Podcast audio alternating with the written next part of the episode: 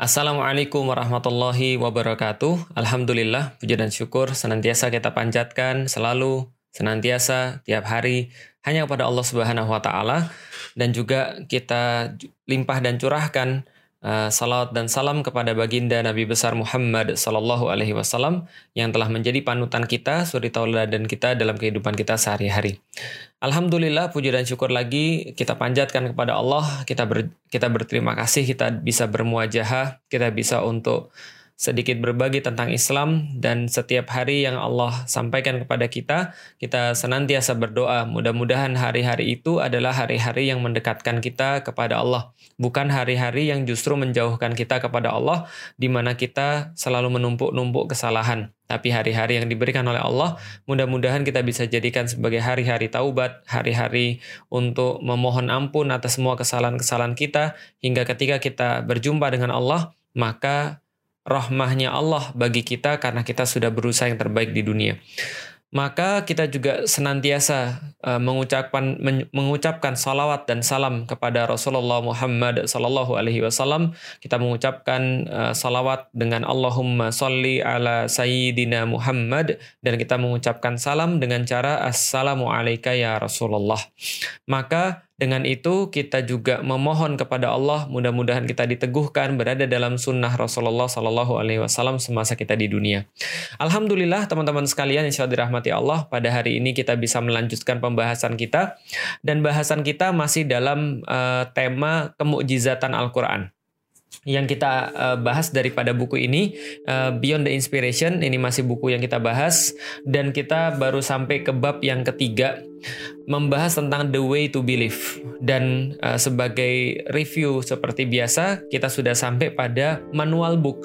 Seandainya memang manusia adalah ciptaan daripada sang pencipta maka harusnya sang pencipta menurunkan satu hal buat manusia untuk senantiasa manusia itu uh, menstandarkan diri di situ, sebuah manual book supaya dia bisa menjalani kehidupannya dengan baik. Nah, dan kita sudah uh, sedikit menyinggung bahwa manual book bagi manusia kalau saya pengalaman saya adalah Al-Qur'an. Kenapa Al-Qur'an? Karena Al-Qur'an adalah satu-satunya kitab yang bisa membuktikan terhadap manusia bahwa dia adalah datangnya daripada Allah Subhanahu wa taala. Dengan cara apa? Dengan cara memiliki tantangan-tantangan di dalam Al-Qur'an, memiliki mukjizat di dalamnya. Apa itu mukjizat? Mukjizat adalah sesuatu yang membuat yang lain itu lemah di hadapan dia. Ini adalah mukjizat. Dan apa mukjizat Al-Qur'an? Kita sudah singgung ada dua hal kemarin, yaitu yang pertama adalah uh, gramatika Al-Quran atau gaya bahasa Al-Quran. Dan yang kedua adalah kemampuan Al-Quran untuk bisa menghasilkan sebuah perubahan. Bagi saya itu adalah sebuah mukjizat yang tersendiri. Dan kita masih dalam pembahasan yang awal, yaitu adalah tentang gaya bahasa Al-Quran atau bahasanya Al-Quran. Al-Quran mengatakan di dalam dirinya sendiri bahwasanya ia adalah bahasa Arab yang jelas. Dan ini penting sekali. Kenapa? Karena kalau seandainya kita memahami satu literasi, tapi kita nggak tahu yang kita lagi baca adalah bahasa apa, ini berbahaya biasa. Misal, kita nggak usah masuk ke dalam bahasa bahasa Arab, bahasa Indonesia atau bahasa Melayu Bahasa Melayu banyak dipakai misalnya di daerah-daerah Sumatera ke atas, termasuk di Malaysia. Maka kalau kita salah mengartikan bahwa yang kita baca ini bukan bahasa Indonesia, tapi bahasa Malaysia, maka kita pasti akan banyak bingungnya. Misal kalau bahasa Melayu mau itu nak, kalau dalam bahasa Indonesia, nak itu apa? Nak itu anak kecil. Maka kalau saat kita membaca sesuatu tapi kita tidak tahu ini kita sedang bahas apa atau bahasa apa yang sedang kita baca, ini berbahaya. Misal, Orang Cina sama orang Jepang itu sama-sama punya huruf kanji. Kalau di Jepang namanya huruf kanji ya, kalau di Cina namanya ya huruf biasa. Karena kanjinya Jepang itu adalah ya hurufnya Cina. Tapi permasalahannya adalah Anda sedang baca literasi dalam kanji Jepang atau huruf Cina. Ini juga harus jelas. Karena kalau Anda salah menentukan ini bahasa apa, ini nanti bisa menghasilkan hasil yang berbeda. Sama kayak bahasa Inggris. Anda sedang baca Inggris Australia atau Inggris Amerika atau Inggris British. Karena ini juga berbeda secara pronunciation berbeda, secara proposition berbeda dan segala macamnya. Maka kita harus tahu dulu ini bahasa apa. Maka Allah mengatakan di dalam Al-Qur'an yang kami sampaikan pada Anda adalah bahasa Arab yang jelas. Karena bahasa Arab yang jelas, maka kita harus merujuk bagaimana orang-orang Arab memahami bahasanya pada saat itu untuk bisa menggali lebih dalam tentang Al-Quran. Nah, kemarin saya sudah sampaikan betapa bangganya orang-orang Arab ketika mereka punya bahasa mereka karena mereka adalah kaum yang murni, pure di uh, di antara seluruh dunia mungkin peradaban mereka yang paling terisolasi karena orang nggak ada yang mau masuk ke sana maka mereka sangat mengagung-agungkan bahasa mereka. Maka kemampuan berbahasa adalah yang menentukan strata apa anda itu ada. Kalau anda kemampuan berbahasanya ancur ya strata anda strata rendah. Tapi kalau kemampuan bahasa anda jago itu berarti kemampuan anda kemampuan yang lumayan.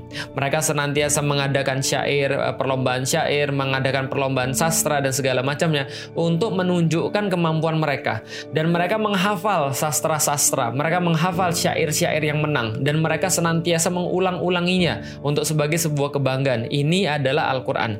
Dan saya tegaskan kemarin juga bahwa apa mukjizat Al-Qur'an? Mukjizat Al-Qur'an bukan seperti mukjizat-mukjizat yang kemarin. Karena mukjizat-mukjizat para nabi sebelum Nabi Muhammad Shallallahu alaihi wasallam adalah mukjizat penglihatan. Maka Anda baca di dalam Al-Qur'an senantiasa ketika Allah menyebut mukjizat-mukjizat itu Allah Allah menyebutnya dengan penglihatan. Misal, wa idz faraqna bikumul bahra fa'anjainakum wa akhraqna ala fir'auna wa antum tangzurun. Allah katakan ketika Allah menggambarkan kasus uh, di di azabnya Fir'aun dan tentara-tentaranya. Tentara-tentara Fir'aun Allah katakan Allah selamatkan kalian daripada tentara-tentara Fir'aun dan Allah hancurkan bala tentara Fir'aun dan Anda melihat semuanya. Terbelahnya lautan itu dilihat bahwasanya Nabi Sulaiman bisa mengendalikan uh, jin itu dilihat melembutkan besi itu dilihat, menghidupkan orang mati itu juga dilihat. Jadi seluruh uh, mukjizat-mukjizat yang lain sebelum Nabi Muhammad itu mukjizatnya dilihat. Ketika mereka sudah lihat, mereka menjadi yakin bahwa ini adalah petugasnya Allah Subhanahu wa taala. Kenapa? Karena mereka melihat wa antum turun kata Allah dan Anda melihat semuanya itu. Tapi mukjizatnya Nabi Muhammad berbeda. Mukjizatnya adalah mukjizat pendengaran dan akal. Makanya dikatakan laukunna nasma'u au na'kilu makunna fi ashabis sair Para penghuni neraka Sair itu saking nyesalnya mereka berkata, kalaulah dulu kami itu mendengarkan Al-Quran dan mikirin Al-Quran, makun nafi ashabis Sair, maka kami tidak akan masuk ke dalam neraka Sair. Kenapa? Karena mereka menutup telinga dan mereka menutup akal. Allah katakan di dalam Al-Quran lagi ketika berbicara tentang orang-orang yang menolak Al-Quran. Wallam mustakbiran ka'alam yasma'ha ka'anna fi uzunaihi waqra. Sesungguhnya orang-orang yang menolak Al-Quran itu adalah mereka seolah-olah nggak pernah mendengar itu dan mereka wallam mustakbiron, mereka kemudian berpaling dan merasa sombong, menutup telinga mereka seolah-olah telinganya ada sumbat. Artinya Al-Quran adalah mukjizat pendengaran. Orang-orang dulu ketika dikasih mukjizat itu mukjizat mata. Nah, kalau Al-Qur'an mukjizat telinga nyambung ke akal. Karena telinga tuh nyambungnya ke akal kuat sekali. Dan kita tahu bahwa di dalam penelitian uh, penelitian apa pun sains bahwa pendengaran itu adalah pertama kali yang dikasih oleh uh, indera yang dikasih kepada bayi. Jadi bayi itu lebih dulu mendengar daripada melihat. Dan mendengar ini penting sekali ketika dia harus berpikir sesuatu. Nah, artinya ketika kita bicara tentang Al-Qur'an, maka mukjizat Al-Qur'an adalah mukjizat pendengaran dan mukjizat akal, mukjizat bahasa, sesuatu yang muncul dari lidah kemudian masuk kepada pendengaran. Maka tradisi Al-Qur'an di zaman dulu itu mengikuti tradisi orang-orang Arab yang berbangga-bangga dengan syairnya. Apa tradisi Al-Qur'an? Tidak pernah dibaca Al-Quran tuh nggak dibaca, tapi Al-Quran tuh di uh, di uh, di apa ya? Ya dibaca tapi bukan pakai mata. Dibaca itu ya pakai mulut. Jadi dilisankan. Dibaca lalu kemudian masuk ke telinga. Lalu kemudian keluar lagi ke uh, ke ke lidah. Artinya gini. Di di masa Rasulullah Shallallahu Alaihi Wasallam itu belum ada mushaf Al-Quran.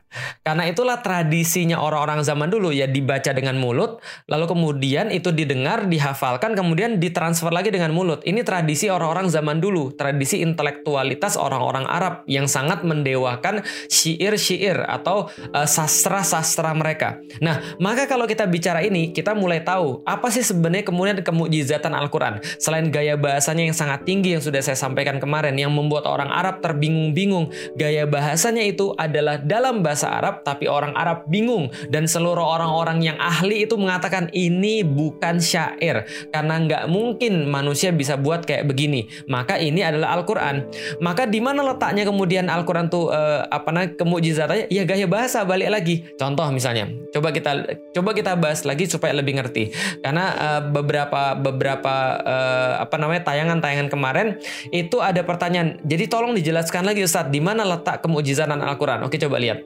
Teman-teman sekalian, ini kita sudah jalan dari tadi sekitar 10 menit 10 menit video. Dan selama 10 menit video ini, pertanyaan saya sederhana. Teman-teman bisa nggak mengulangi apa yang saya omongkan dari salam sampai dengan satu menit aja, nggak usah lama-lama.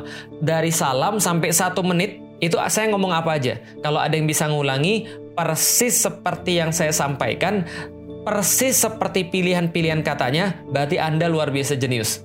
Sayangnya Anda nggak akan mungkin bisa. Jangankan Anda, saya aja nggak ingat lagi apa yang sudah saya ucapkan di awal semenjak salam sampai satu menit berikutnya. Saya aja nggak tahu setelah satu menit saya ngomong apa. Oh bisa saat diputar videonya? Bukan, kita nggak bicara tentang muter playback videonya. Kita bicara tentang kalau saya sudah ngomong sekarang 10 menitan, maka apa yang saya omongin dari menit yang pertama, dari menit yang ke 0 sampai menit yang pertama, itu saya sudah nggak bakal ingat lagi. Tapi Al-Quran, Masya Allah. Al-Quran coba lihat ya. Al-Quran itu turun kepada Rasulullah Sallallahu Alaihi Wasallam dan itu langsung langsung beliau sampaikan lewat lisan uh, lisan beliau. Iqra bismi rabbikal ladzi khalaq. Khalaqal insana min alaq. Iqra wa rabbukal akram alladzi 'allama bil qalam. 'Allamal insana ma lam ya'lam. Misalnya contoh, ini adalah ayat yang pertama kali turun dan itu tidak ditulis. Karena Rasulullah itu ummi. Rasulullah itu tidak bisa membaca dan tidak bisa menulis. Ketika beliau tidak bisa membaca dan tidak bisa menulis dan tidak ada tradisi seperti itu di antara orang-orang Arab, maka ini kemudian sudah ya setelah ngomong ya sudah selesai. Kayak kita ngomong, Kayak kita ngomong dari tadi tuh yang ngomong yang nguap, ngomong yang nguap sudah selesai karena nggak kecatat. Tapi apa yang terjadi? Saking detailnya Al-Quran itu, Al-Quran itu bisa dalam tanda kutip itu kayak turunnya tuh terorganisir. Jadi kalau orang baca dari awal sampai akhir, kemudian orang kemudian bilang ini nggak mungkin kalau ini cuma diomongin tanpa ditulis. Kenapa? Karena Al-Quran tuh nggak ada editan sama sekali. Antum ngomong mesti ada salahnya. Saya ngomong mesti ada salahnya dari tadi. Tapi Al-Quran itu dari awal sampai akhir, turunnya itu kemudian terpisah-pisah. Di antara tahun pertama turun sampai dengan tahun ke-13 turun kehidupan Rasul, maaf, ke-23 turun dari kehidupan Rasulullah Shallallahu alaihi wasallam dari beliau berumur 40 sampai 63 itu tidak dicatat oleh Rasulullah. Tapi ternyata Semuanya itu walaupun tanpa editan itu begitu indah dan begitu rapih dan tanpa pertentangan, tanpa kesalahan sedikit pun. Nah, bagaimana ini bisa terjadi kalau manusia yang buat? Nggak mungkin. Contoh misalnya, saya ngomong, oh kayaknya saya ingat uh, satu menit yang lalu saya nggak ngomong pakai kata-kata ini, tolong diedit yang tadi. Nggak bisa. Karena Al-Qurannya sudah turun, sudah dihafal oleh manusia. Maka nggak bisa lagi diedit. Nah, kemampuan ini tidak mungkin dimiliki oleh manusia, salah satunya. Misal kalau kita lihat, betapa kemudian sangat detailnya Al-Quran. Dari yang paling awal saja, surat Al-Baqarah, itu kita baca, Zalikal kitabu la roiba fi hudal lil muttaqin. Zalikal kitab, kitab ini tidak ada keraguan di dalamnya, petunjuk bagi eh, bagi orang-orang yang bertakwa. Zalikal kitab dalam bahasa Arab zalika itu adalah kata tunjuk untuk sesuatu yang jauh. Zalika itu kata tunjuk untuk sesuatu yang jauh. Kalau kata tunjuk untuk sesuatu yang dekat bukan zalika, tapi haza. Hazal kitab harusnya begitu. Tapi yang dipakai adalah zalikal kitab tapi dalam arti bahasa Indonesia selalu diartikan kitab ini, bukan kitab itu. Karena kalau itu, zalika, itu artinya dalam bahasa Indonesia itu, zalikal kitabu, berarti harusnya artinya kitab itu. Tapi kenapa diartikan dalam transliterasi dalam bahasa Indonesia kitab ini? Apakah mereka salah? Enggak. Zalikal kitabu itu adalah kitab itu yang bermakna kitab ini. Maksudnya seperti apa? Lihat. Kenapa dikatakan zalikal kitabu bukan hazal kitabu? Karena zalikal kitab, kitab artinya adalah sesuatu yang tertulis. Asal katanya kataba. Kataba itu artinya menulis. Lalu kemudian kitab itu artinya adalah sesuatu yang penuh dengan tulisan atau gabungan-gabungan daripada tulisan. Allah ingin menjelaskan bahwa dengan kata zalikal kitabu adalah bahwa kitab ini bukan ditulis di tempat kalian. Kitab ini ditulis di tempat yang jauh. Zalikal kitab ditulisnya di tempat yang jauh. Dan itu berkonsekuensinya adalah apa? Bersesuai dengan apa pun yang Allah sampaikan di dalam Al-Quran. Allah katakan bahwa Al-Quran ini ada fi kitabim maknun. Dia ada di tempat yang terjaga. Di tempat yang jauh daripada manusia. Dari mana? Fi lauhim mahfuz. Yaitu ada di dalam lauhul mahfud. Diturunkan ke langit dunia. Dari langit dunia baru kemudian secara perlahan-lahan diturunkan pada Rasulullah Sallallahu Alaihi Wasallam. Berarti ini bersesuai dengan kata-kata zalikal kitab. Tapi ketika menggunakan kata-kata Al-Quran, Allah tidak menggunakan zalikal Quran. Kalau zalikal kitab, maksudnya adalah Al-Quran itu, gitu kan ya, pakainya zalika. Tapi kalau begitu pakai kata Al-Quran, Allah katakan hazal Quran. Hazal Quran kenapa? Quran artinya sesuatu yang dibaca. Yang dibaca berarti harus dekat dengan manusia. Maka Allah katakan hazal Quran, bukan zalikal Quran. Pakainya zalikal kitab, bukan hazal kitab bingung. Intinya gitulah. Intinya bagaimana mungkin kemudian ada sebuah kalimat-kalimat yang sangat presisi kayak begini ketika digunakan untuk sesuatu yang sangat detail. Nah ini nggak mungkin perhitungan manusia. Masa kemudian satu orang manusia menghitung dari awal sampai akhir dan dia setelah ngomong selama 23 tahun itu Rasulullah kalau ada yang nuduh bahwa itu adalah buatannya Rasulullah. Ya nggak mungkin. Masa dia ngomong selama 23 tahun kemudian dia masih punya ingatan atas omongannya di tahun pertama di menit yang pertama sampai dengan menit yang terakhir. Itu siapa pun nggak akan bisa orang kayak gitu. Nah Al-Quran itu tertata rapi dan nggak diedit sama sekali dan nggak hanya tertata rapi dan nggak diedit, tapi gaya bahasanya dari awal sampai akhir itu indahnya luar biasa. Maka orang-orang kemudian stres ketika melihat Al-Quran itu. Kok bisa ada ketidakmungkinan pertama disampaikan secara kemudian puluhan tahun dan nggak pernah diedit tapi sempurna nggak ada nggak ada kesalahan.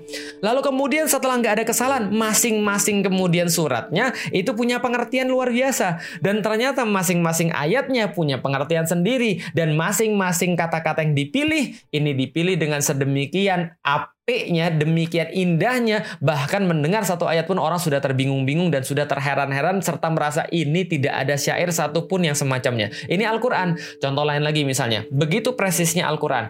Di dalam kasusnya nabi-nabi Bani Israel, bukan kasus ya, ya dalam ceritanya nabi-nabi Bani Israel, itu Musa berkata pada kaumnya, "Ya kaumi, Ketika berkata pada kaumnya, Ya kaumi, lima zunani dan seterusnya. Maka Musa berkata, Ya kaumi. Maka nabi-nabi yang lain uh, berkata, Ya kaumi, wahai kaumku, wahai kaumku, wahai kaumku. Tapi begitu kemudian sampai kepada Nabi Isa, Nabi Isa itu nggak pernah berkata, Ya kaumi. Tapi Nabi Isa berkata, Ya Bani Israel. Wahai Bani Israel, wahai Bani Israel. Loh, kok bisa Musa ngomong begitu, lalu kemudian Zakaria ngomong begitu, dan segala macamnya ngomong begitu. Tapi begitu kemudian Nabi Isa, yang jelas dia juga adalah nabinya Bani Israel, tapi dia tidak berkata ya kaumi, wahai kaumku. Apakah kemudian menandakan bahwa Isa itu bukan kaumnya Bani Israel? Ternyata itu yang pengen dimaksudkan oleh Allah di dalam Al-Quran.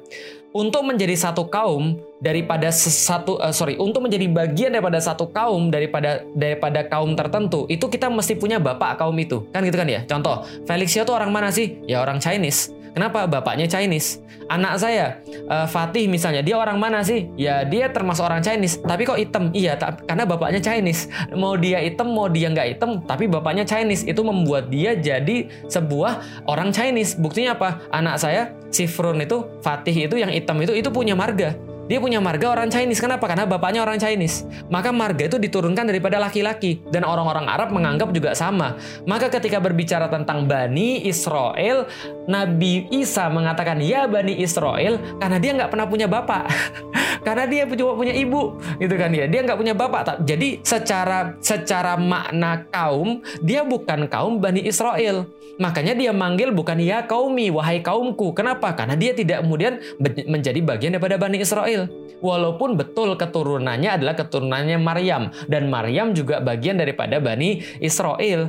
Tapi masalahnya kalau dilihat daripada hukum kekauman itu diwariskan daripada laki-laki, maka dia nggak punya bapak. Artinya ketika Isa berkata, Ya Bani Israel itu menjelaskan dengan sangat tegas bahwa Isa itu adalah seorang laki-laki, seorang manusia yang keren luar biasa karena dilahirkan oleh ibu tanpa bapak perawan suci. Ini kemudian dijelaskan di dalam Al-Quran dengan cuma kata-kata memakai Ya Bani Israel. Dan banyak lagi kemudian kata-kata yang sangat presisi di dalam Al-Quran. Keren banget. Saking kemudian presisinya, saking kemudian kerennya, coba simak. Ketika Allah mengatakan di dalam Al-Quran, wa ingkung tum fi raibi mimman nazalna ala abdina fa'atu bisurati mimithli. Dan bila kalian tetap dalam keraguan dengan apa yang kami turunkan terhadap hamba kami Muhammad yaitu adalah Al-Quran ini, maka datangkanlah satu surat yang semacamnya. Maka bukan hanya orang-orang zaman sekarang yang gak suka dengan Al-Quran yang berusaha untuk mendatangkan semacam dengan Al-Quran. Bukan hanya orang-orang zaman sekarang yang mungkin pendidikannya nggak seberapa, yang mungkin bahasa Arabnya juga seberapa, nggak seberapa, yang pernah untuk ngotak-ngatik Al-Quran. Bahkan ada trio kuek-kueknya orang-orang Arab. Namanya uh, yang pertama adalah Abu Sufyan, yang kedua Abu Jahal, yang ketiga adalah Al-Akhnas bin Syarik. Tiga orang ini ditugaskan sebagai pemimpin-pemimpin Bani Quraisy untuk kemudian menyelidiki apa sih sebenarnya Muhammad ini, senjatanya apa sih sebenarnya. Maka mereka bersepakat, mereka bertiga diam-diam untuk pergi ke tempatnya Nabi Muhammad mendengarkan bacaan Al-Quran. Malam-malam mereka mengendap, Ba'da kemudian Isya mereka mendengarkan bacaan Al-Quran. Di situ mereka tertegun. Di situ mereka terpaku. Di situ mereka terpesona dan gak bisa bergerak. Sampai subuh mereka mendengarkan itu dan ketika subuh hari mereka saling berkata pada yang lain dengan wajah yang pucat. Kira-kira gitulah. Kita jangan ke sini lagi. Kenapa? Karena kalau kita ke sini lagi nanti besok orang ngomong apa? Kenapa mereka ngomong besok kita jangan ke sini lagi? Yang lain bilang sepakat, sepakat. Karena mereka tahu betul bahwa Al-Quran benar-benar punya daya tarik yang luar biasa. Appeal-nya keren banget. Maka jangan ke sini lagi. Kalau kita ke sini lagi, nanti ini menjadi pengakuan kita dengan Al-Quran. Jangan. Mereka bilang iya, kita nggak ke sini lagi, tapi tebak apa yang terjadi pada malam harinya lagi. Malam harinya lagi, mereka tanpa janjian itu nongkrong di rumahnya Rasulullah, ngambil di sisi-sisi yang berbeda, di tengah kegelapan malam, menikmati Al-Quran. Mereka menikmati Al-Quran dan saya sudah kasih tahu orang Arab sangat apresiat terhadap sastra, sangat apresiat terhadap sebuah kata-kata yang bagus. Maka mereka mendengarkan Al-Quran lagi sampai kemudian sudah ada cahaya, mereka ketahuan satu sama lain. Lo ngapain kamu di sini? Ngapain kamu di sini? Kan sudah kita bilang kita nggak boleh datang. Ya terus kamu ngapain? Iya, memang kita salah, tapi jangan diulangi lagi. Mereka bersepakat untuk tidak mengulangi lagi. Tapi apa yang terjadi di malam harinya lagi mereka datang lagi ke tempat Rasulullah, kemudian mereka mendengarkan Al-Quran lagi, ter terpaku lagi, terpesona lagi, mereka kemudian termagu lagi, lalu kemudian mereka ketahuan lagi di pagi harinya, kemudian mereka bilang, demi Tuhan Tuhan kita, Lata, Uza, Mana, dan segala macamnya, jangan ke sini lagi, karena kalau kita ketahuan habis kita. Maka mereka nggak ke tempat Rasulullah lagi. Tapi ada satu orang yang penasaran. Jadi kalau zaman sekarang pinisirin. ada satu orang yang pinisirin namanya Al-Akhnas bin Syarik. Al-Akhnas bin Syarik datang kepada Abu Sufyan yang pada saat itu belum masuk Islam. Kemudian bilang pada Abu Sufyan, e, Suf, ya kira-kira gitulah kalau zaman sekarang ya. Abu Suf gitu kan ya. Oke, gimana? kan kita kan sama-sama dengerin uh, Muhammad baca Quran ya? Iya. Kamu ada di tempat yang sama kayak aku kan? Iya. Nah, aku pengen nanya, kita berada di tempat yang sama, kita sama-sama dengerin Al-Quran nih. Menurutmu nih, Al-Quran tuh bener atau enggak? Al-Quran tuh bener atau enggak? Bahwa itu adalah rekaannya Muhammad, bahwa itu adalah buatannya Muhammad, atau ini sesuatu yang lain? Abu Sufyan bilang apa? Abu Sufyan bilang, ya bukanlah. Ya kok bukan? Ya karena saya tahu syair. Dan ini bukan buatan manusia, ini jelas. Kita nggak suka sama Muhammad, tapi saya nggak bisa bilang bahwa itu buatan Muhammad. Karena kalau kita bilang itu buatan Muhammad ya sama aja kita menaikkan levelnya Muhammad. Ini bukan buatannya Muhammad. Ini benar-benar bukan buatannya Nabi Muhammad. Kenapa? Terlalu canggih buat dibuat buat direka oleh manusia. Al-Akhnas nggak selesai sampai di situ, dia pergi ke tempatnya Abu Jahal. Abu Jahal kemudian dia tanya yang sama. Abu Jahal, ya. Kita ini kan bareng-bareng ya sama Abu Sufyan sama kamu kan ya. Kita dengerin kan ucapannya Muhammad, kita dengerin kan bacanya Muhammad. Iya. Lah menurutmu menurutmu gimana? Itu Quran benar atau enggak? Apa kata Abu Jahal?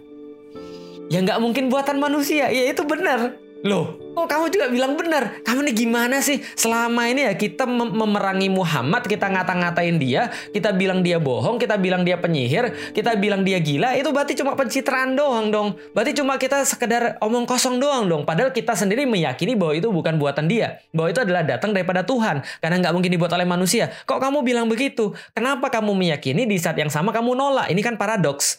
Apa kata Abu, Abu Jahal? Begini kata Abu Jahal.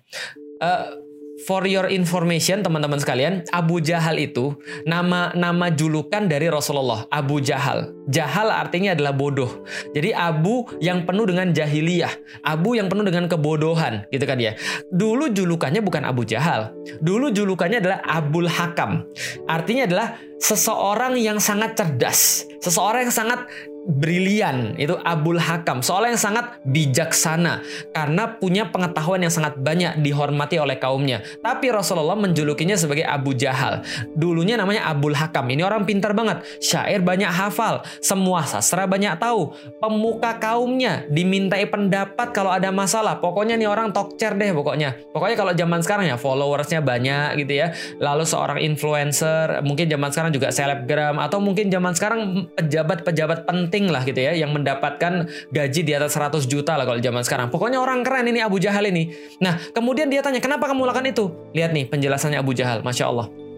Abu Jahal mengatakan kepada Al-Akhnas bin Syarik dan Abu Sufyan yang bertanya pada mereka yang kisah ini kemudian diceritakan kepada kaum muslimin setelah Abu Sufyan masuk Islam.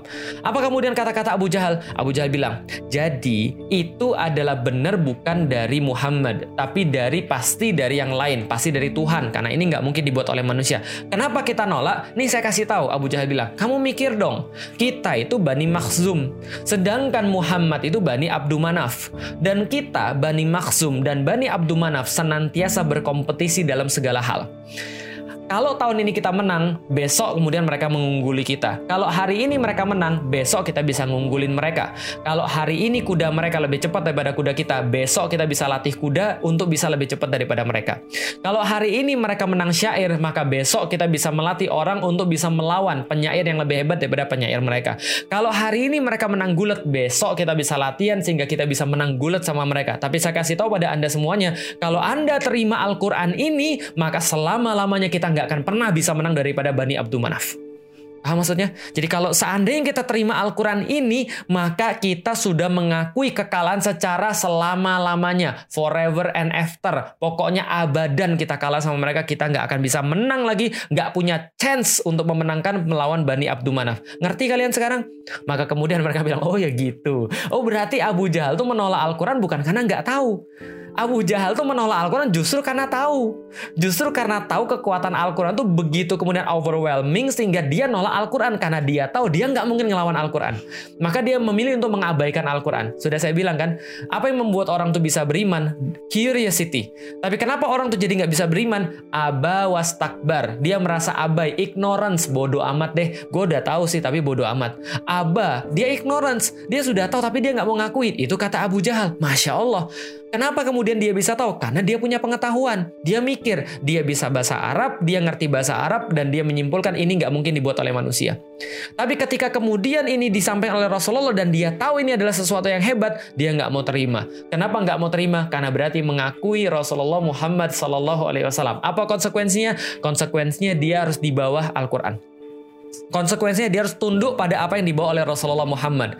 Konsekuensinya dia harus taat pada Tuhan yang kemudian selama ini dia ingkari kekuasaannya. Dia harus kemudian menyerahkan apa pun yang menjadi kekuasaan dia untuk rela diatur oleh Islam. Itu konsekuensi yang nggak pernah bisa diambil oleh Abu Jahal sampai mati.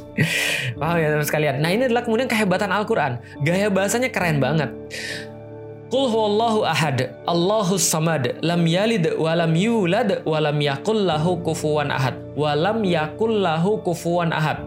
Walam tidak ada, yakul yakun ad, uh, walam tidak mungkin yakun ada uh, lahu bagi dia kufuan satu satu satu uh, satu kufu atau satu jenis ahad satu pun yang bisa orang Arab nggak biasa dengar kayak gitu Orang Arab biasa dengar walam yakun ahadun kufuan lahu tidak ada satupun yang seperti dia. Tapi Al-Quran bisa muncul dengan satu kemudian sistematika yang kemudian sangat indah. Walam yakul lahu kufuan ahad. Yang disesuaikan dari awal. Kul huwallahu ahad, Allahu samad, lam yalid, walam yulad, walam yakul lahu kufuan ahad. Kenapa bisa muncul kayak gitu? Itu yang buat, orang Arab geleng-geleng. Kenapa kita bisa nggak kepikir? Padahal itu bahasa Arab. Kenapa kita kemudian kalah? Kenapa kita jatuh? Padahal itu bahasa Arab. Ya itulah namanya mukjizat. Mukjizat bahasa artinya adalah mukjizat yang secara kemudian dibangga-banggakan oleh orang-orang kafir Quraisy, dihabisi mereka dengan kemudian sesuatu yang mereka bangga-banggakan. Insya Allah kita akan lanjut lagi dalam bahasan mujizat Al-Quran pada pertemuan ke depan. Doain mudah-mudahan saya senantiasa sehat dan saya juga doain mudah-mudahan teman-teman senantiasa sehat. Semoga Allah membukakan diri kita, membukakan akal kita, membukakan hati kita untuk kemudian lebih mengenal tentang kemujizatan Al-Quran sehingga kita lebih yakin kepada agama kita, agama Islam. Dan mudah-mudahan Allah senantiasa memberikan kita ilmu yang bermanfaat. Allahumma inni as'aluka ilman nafi'an. Mudah-mudahan Allah memberikan kita ilmu yang bermanfaat, ilmu yang membuat kita lebih taat pada Allah Subhanahu wa taala. Makasih. Assalamualaikum warahmatullahi wabarakatuh. Dadah.